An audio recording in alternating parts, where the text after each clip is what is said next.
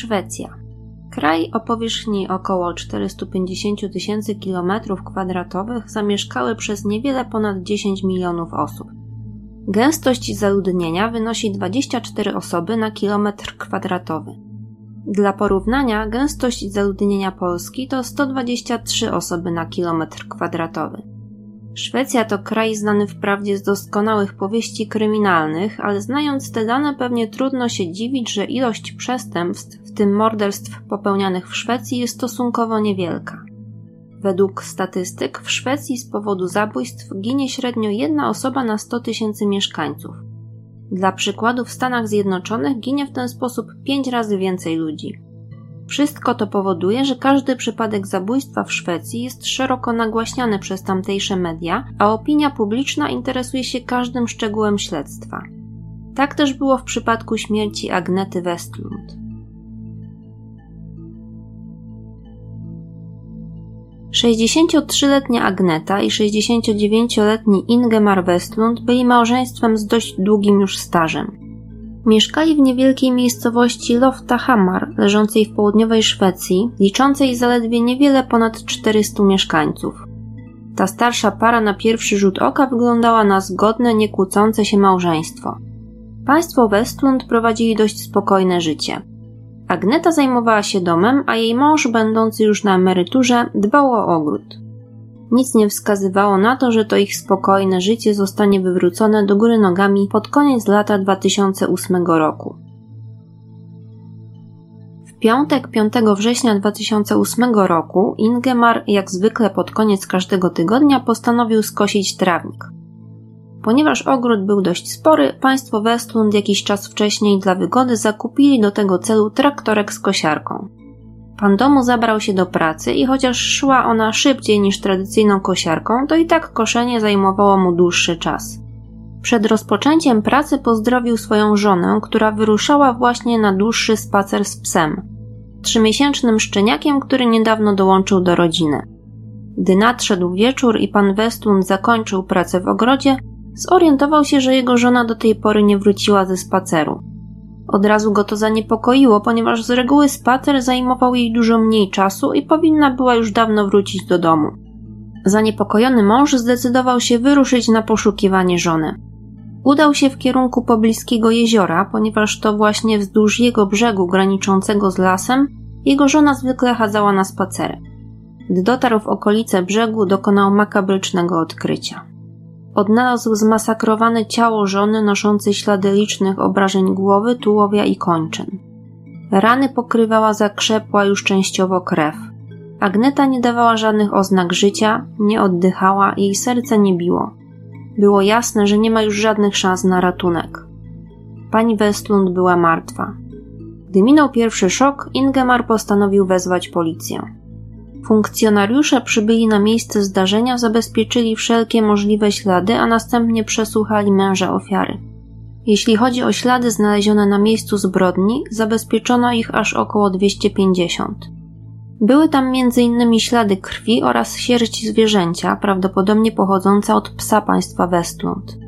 Wstępne oględziny zwłok wskazywały, że przyczyną śmierci było wykrwawienie z wielu różnych ran zadanych niezidentyfikowanym przedmiotem. Jednak śledczym w oczy rzuciła się jedna rzecz. Na miejscu, w którym pan Ingemar odnalazł ciało żony, nie odnaleziono znacznej ilości krwi, której można było się spodziewać, biorąc pod uwagę wykrwawienie. Wysunięto więc wstępną hipotezę, że ofiara zginęła w innym miejscu, a jej ciało zostało przeniesione nad jezioro. Przesłuchanie pana Westlunda nie wniosło zbyt wiele do sprawy. Opisał on, co działo się tego dnia przed wyjściem żony na spacer oraz swoje poszukiwania – Jedyną niecodzienną rzeczą, na którą zwrócił uwagę, był dość głośny plusk wody dochodzący z jeziora, słyszany przez niego kilka minut przed odnalezieniem ciała żony. Gdy policja przesłuchała znajomych pary, na jaw wyszły nowe informacje. Okazało się, że ta spokojna z pozoru para tak naprawdę często wdawała się w dość ostre kłótnie. Wprawdzie nie dochodziło do agresji fizycznej, jednak już samo to, że między małżonkami nie układało się najlepiej, wzbudziło podejrzenia śledczych. Nie bez znaczenia był też fakt, że według statystyk za morderstwem z reguły stoją osoby najbliższe ofierze.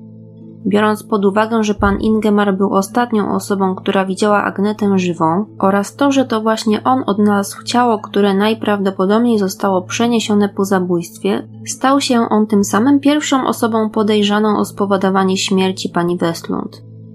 Po przeprowadzeniu sekcji zwłok ustalono, że zgon nastąpił około 3 godziny przed zgłoszeniem odkrycia ciała.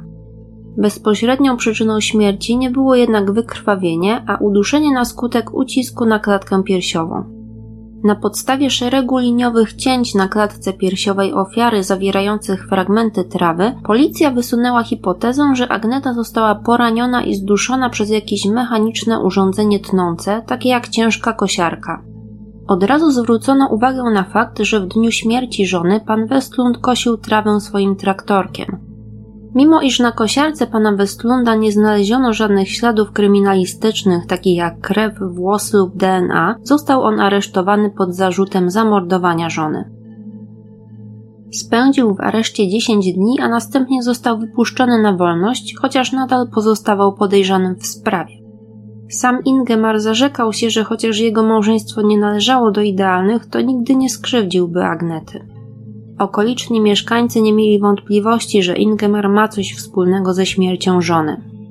Na pogrzebie Agnety liczne nieprzychylne spojrzenia mieszkańców wioski kierowane w jego kierunku dały mu to jasno do zrozumienia. Ingemar stał się wyrzutkiem społeczności. Nikt nie chciał zadawać się z mężczyzną podejrzanym o zabicie swojej żony.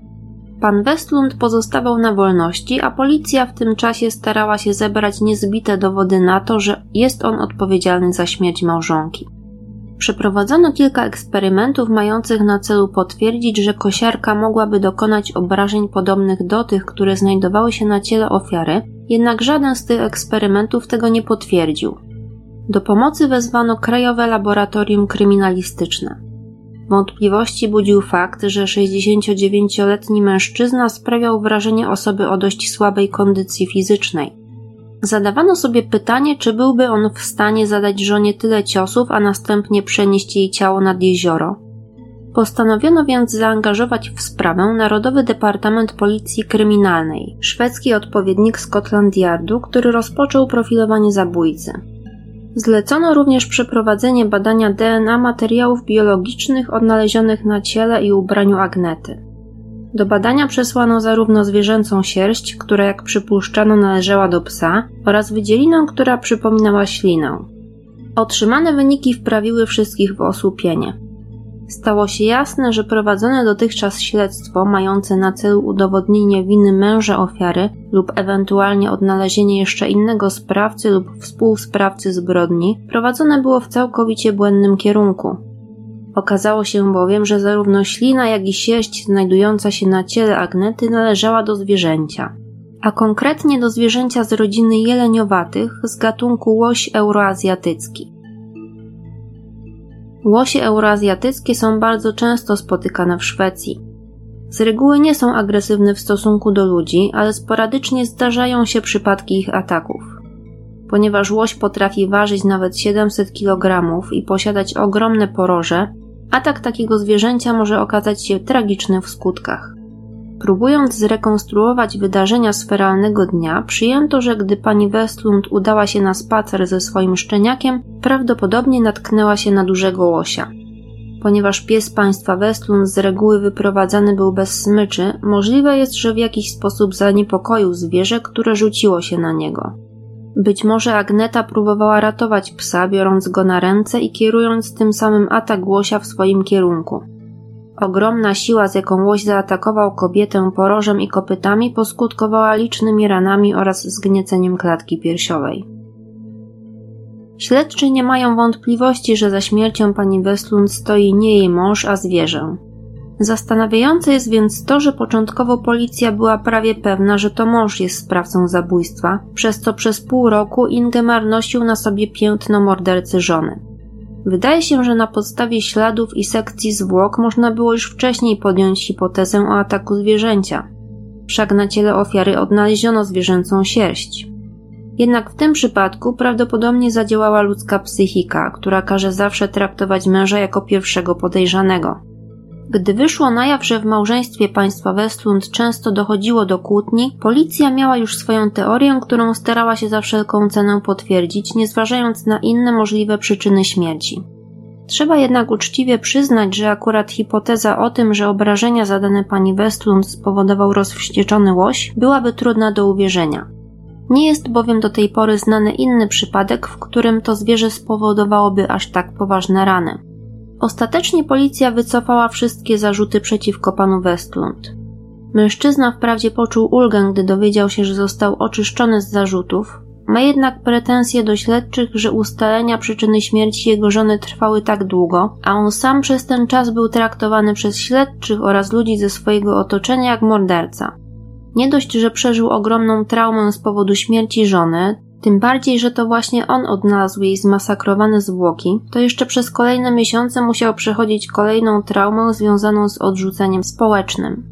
Niechęć i wrogość sąsiadów sprawiły, że mężczyzna musiał w końcu przeprowadzić się w inne miejsce. Gdy śledztwo zostało zakończone, pan Westlund zapowiedział, że będzie walczył o odszkodowanie za krzywdy, których doświadczył on oraz jego rodzina. Krzywdy, które wynikały według niego z nieprawidłowego prowadzenia sprawy przez śledczych.